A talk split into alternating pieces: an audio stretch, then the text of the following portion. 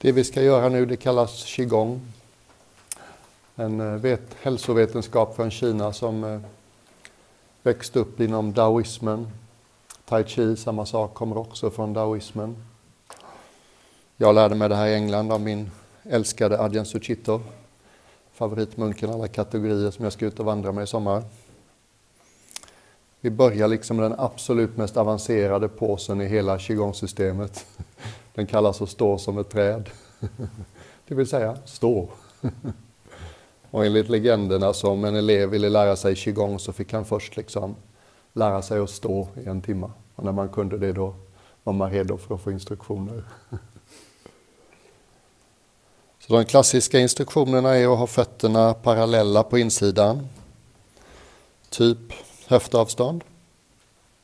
För de flesta av oss känns det lite kofotigt. Mm. Det här är ingen uthållighetstävling. Har man lågt blodtryck eller annat så kan det vara lite mycket att stå i 20 minuter. Så känner du dig liksom dissig och mår inte bra så bara sätt dig lugnt och stilla när du behöver det. Mm.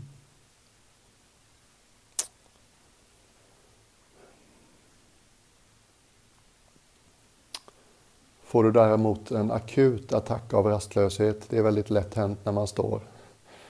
Vår prägling är liksom, jag ska inte behöva stå still, det betyder jag väntar, det betyder jag är otålig. Rastlöshet är väldigt intressant att jobba med, jag har haft mycket rastlöshet i mina dagar. En av mina lärare tittade vänligt på mig en dag i Thailand och sa Natiko, det var mitt munknamn, That in you which is aware of restlessness is not restless. Det är dig som är varse rastlöshet är inte rastlöst. Vi kan luta oss tillbaks i någonting ännu större än en enskild känsla. Så bara lägg uppmärksamheten kort på dina fotsulor och deras möte med marken.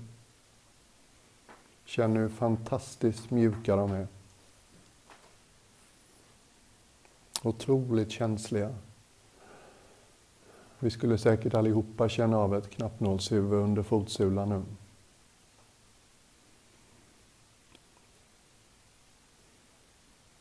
Den här sortens kontemplation har också ett fint namn i buddhismen. Det kallas kontemplation av vattenelementet. Och just eh, vila uppmärksamheten kring plasticitet. All materia har i viss utsträckning förmågan att anpassa sig till det den möter.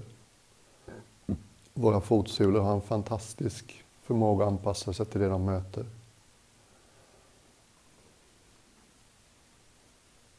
Mm. En känslighet. Och ibland kan bara vila i det intrycket hjälpa oss att bli lite mer plastiska på känslonivån också. Så här känns känslighet. Så här känns det som känner vad det möter.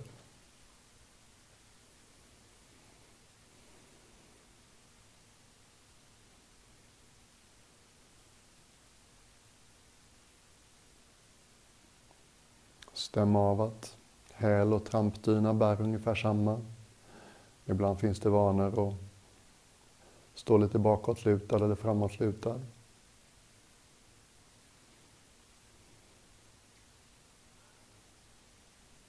Känn dina tår. Det är inte lätt att vara tå i moderna tiden. Jag tror aldrig tårna var byggda för skor egentligen. Checka av att in och utsidan av dina fötter bär ungefär samma. Ibland finns det tendens att vila på insidan mer än utsidan eller tvärtom.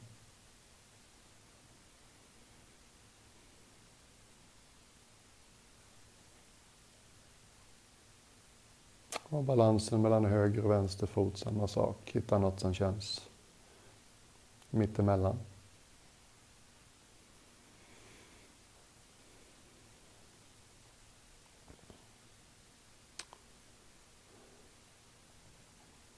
Låt din knäled vara väldigt mjuk. Ju mer du böjer i knät, ju mer energi kommer du så småningom uppleva. Känner du dig pigg och äventyrslyssen så sätt en rejäl krok i knäna. En av upptäckterna inom qigong det var att energi rör sig lättare genom en böjd led än en uträtad. Så instruktionen är att ha alla leder mjuka. Alla de små lederna i händerna mjuka. Armbågen mjuk. Mm.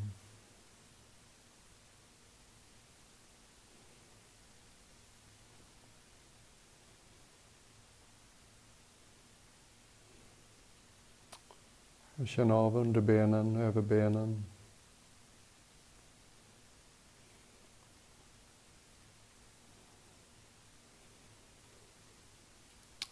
Och lägg lite extra märke till svanskotan.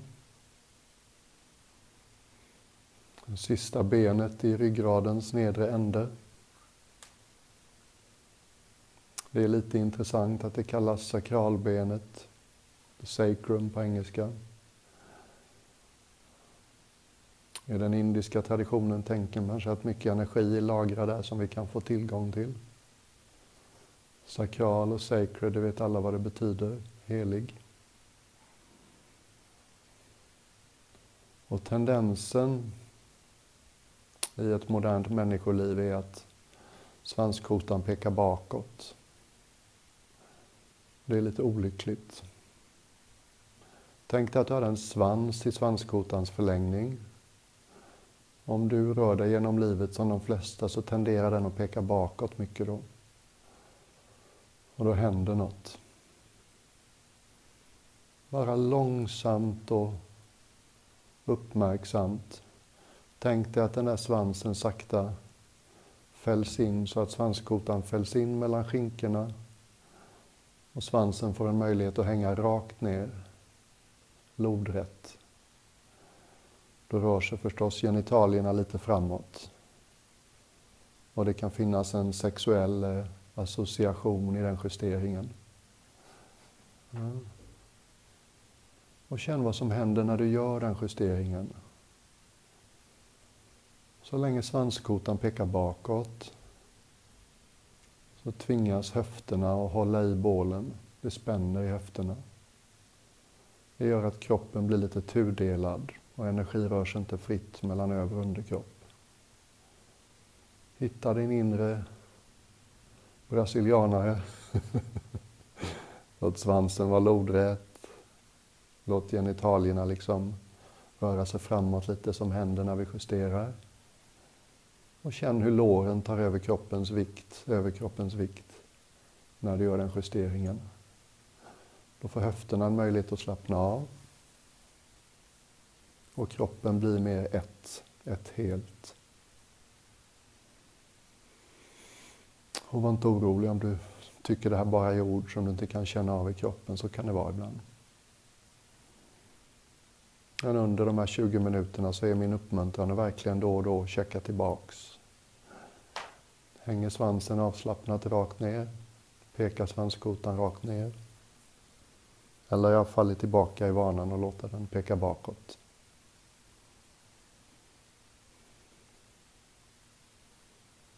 Skanna av de lite genanta områdena i bäckenbotten. Lägg märke till genitalier, området bakom genitalier. Jag har lärt mig att det finns passager i kvinnors liv när man uppmuntras att göra knipövningar.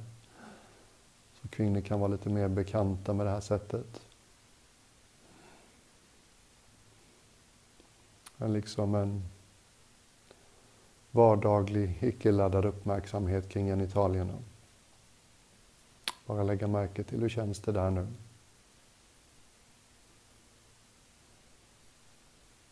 Och samma sak med området kring rektum, ringmuskeln runt och innanför. lite negligerade områden när det gäller ledig öppen uppmärksamhet. området emellan de två områdena. Det är som att vi kommer ner liksom till bålens bas.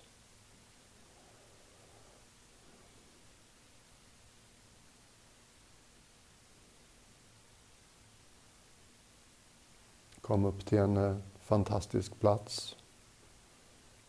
De där hela natten meditationerna i Thailand gjorde mig tokig ibland för jag somnade hela tiden.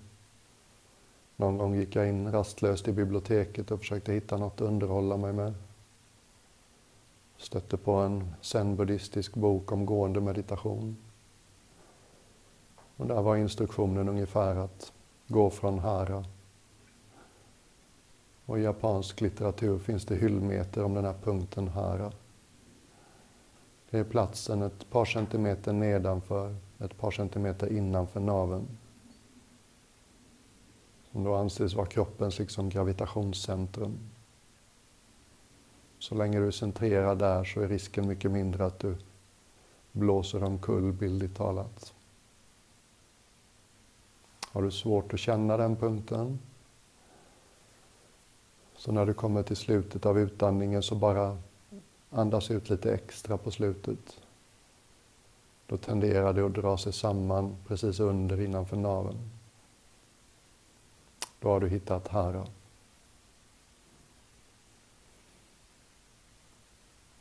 Jag fick min första PC när jag var 14 år gammal som munk och hittade Youtube så småningom. Googlade på tai chi-mästare och qigong-mästare. Fick se underbara klipp på gamla gråhåriga farbröder i 70-80-årsåldern. De stod ungefär som vi gör nu på en matta. Och två unga starka män som försökte putta omkull dem och inte lyckades. För de stod i sin hära. Låg tyngdpunkt. Mm.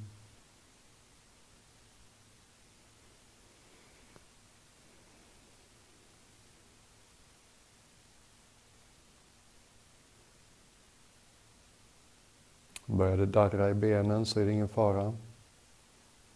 Det är bara ett tecken på att de får lite mer energi genom sig än de är vana vid. Den traditionella beskrivningen av den här positionen är stå som ett träd. Man tänker sig att benen är som barken på trädet. Man tänker sig att energin, saven på trädet, stiger på barkens insida. Och ibland förnimmer man en sådär lite någonting som surrar på benens insida. Ofta känns det som det surrar uppåt. Och det tar sig genom höftvaggan lättare om vi justerar svanskotan som jag föreslog. Undrar du fortfarande vad jag talar om när jag talar om energi? Och bara känn dina egna handflator. Jag är ganska säker på att vi alla känner ett surr där. Ganska hög vibration, någonting som surrar. Det är det jag menar.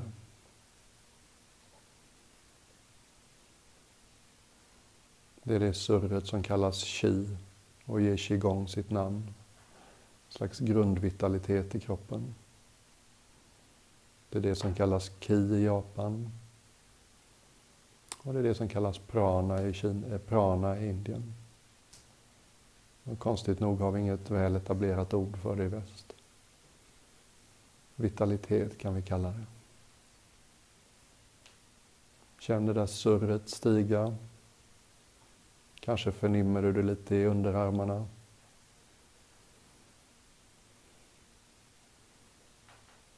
Kanske i överarmarna till och med.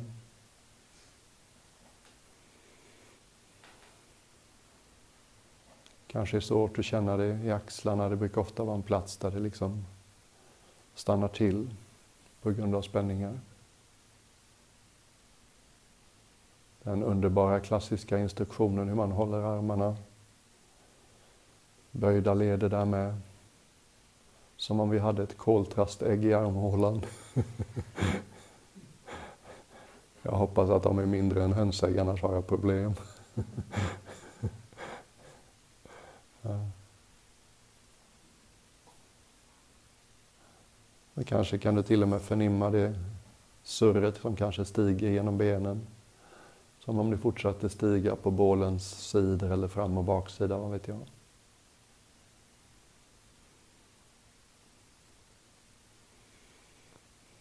Precis som vi har gjort innan.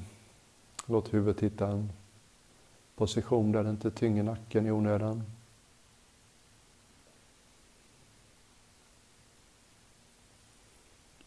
Ögonen kan såklart vara stängda, de kan också vara mjuka. Man kan ha fokus på armlängds avstånd. Man är med utan att liksom fokusera. Och ansiktet får vara mjukt. Precis som i morse.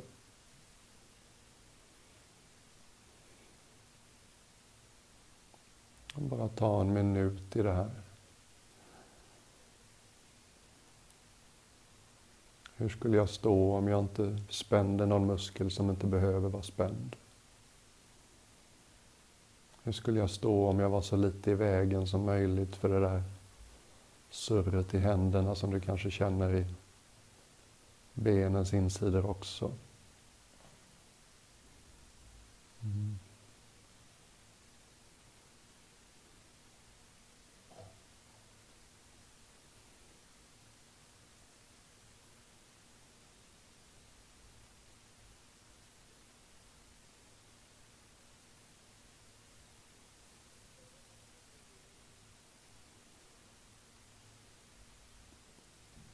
Tänkte vi skruvar det här ett varv till. Innan vi gör det, bara stämma av med svanskotan att den inte har gått tillbaks i peka bakåt-läge.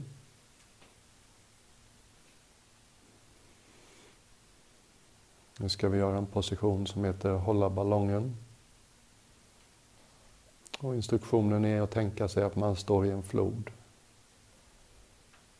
Framsidan av kroppen vänd nedströms.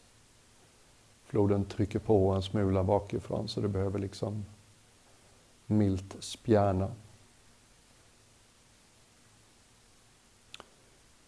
Och sen börjar floden stiga.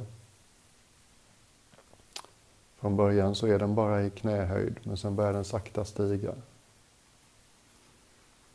Och så småningom når den upp till dina händer. Och så småningom så lyfter floden stigande dina armar. Bara tänk dig att du väldigt, väldigt, väldigt långsamt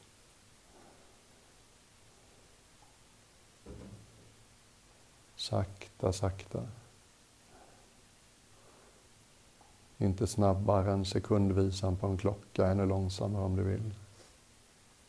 Bara känner du armarna lyftas av floden stigande. Så lite ansträngning som möjligt. Du nästan låter armarna stiga med bara en intention. Mm.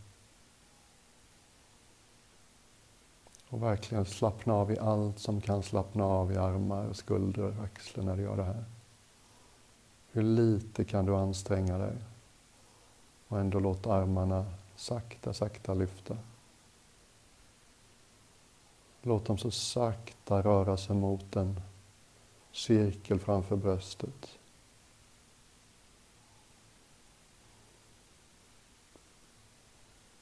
Det är en väldigt intressant övning.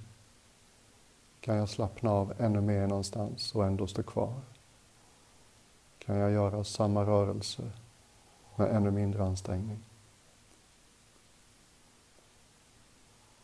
Och när du kommer till någonting som känns som att hålla en stor ballong framför bröstet så låt de två händernas fingrar ha ett avstånd på 3, 5, 7 centimeter, ganska nära. Det kan till och med vara så ibland att vi känner den där energin röra sig mellan händerna, mellan fingertopparna.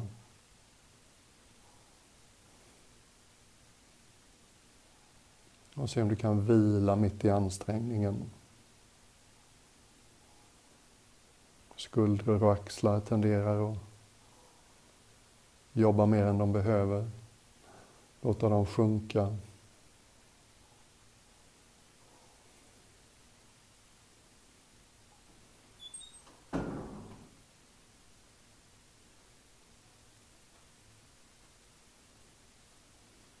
Det här är jobbigt. Det är inget konstigt med det. Mm. Bara stå i ansträngningen lite. Inuti ansträngningen, titta om det är något du kan slappna, slappna i lite. Finns det någonting i överarmar, underarmar, händer, axlar, skuldror som kan slappna av och ändå behålla positionen?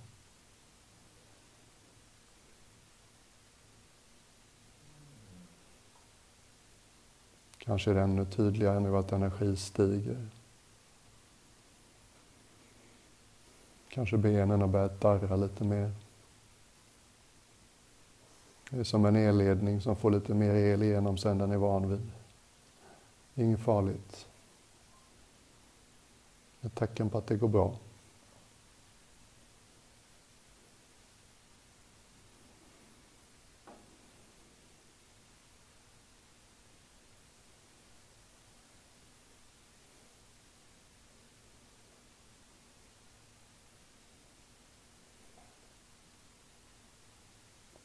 En eller två minuter till så här.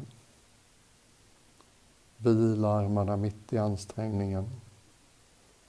Slappna av i allt som inte behöver vara anspänt.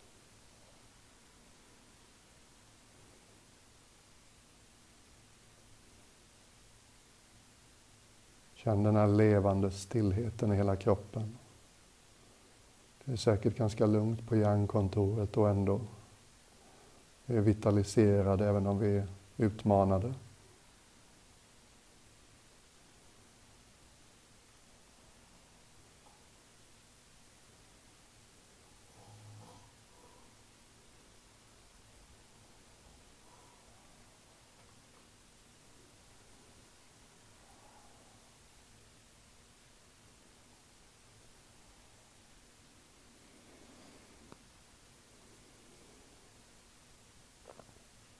Vi skapar ingen energi här.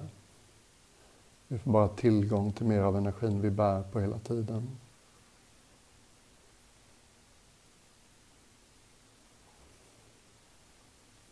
Och nu kan vi sakta, sakta låta armar och händer glida ner i takt med att den där floden sakta, sakta sjunker.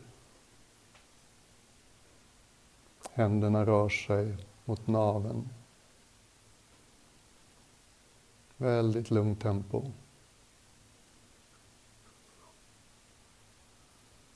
Utan att släppa.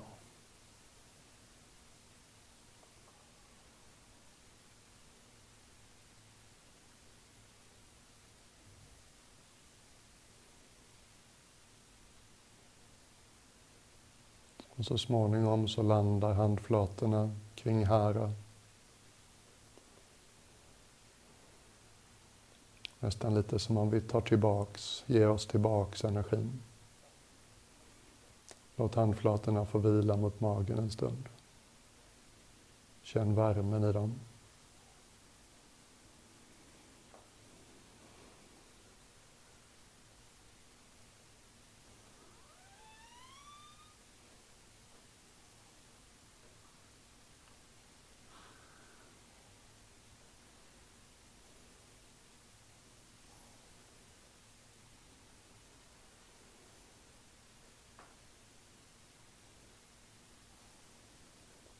Och utan att liksom droppa allt, utan som om du bar på något värdefullt.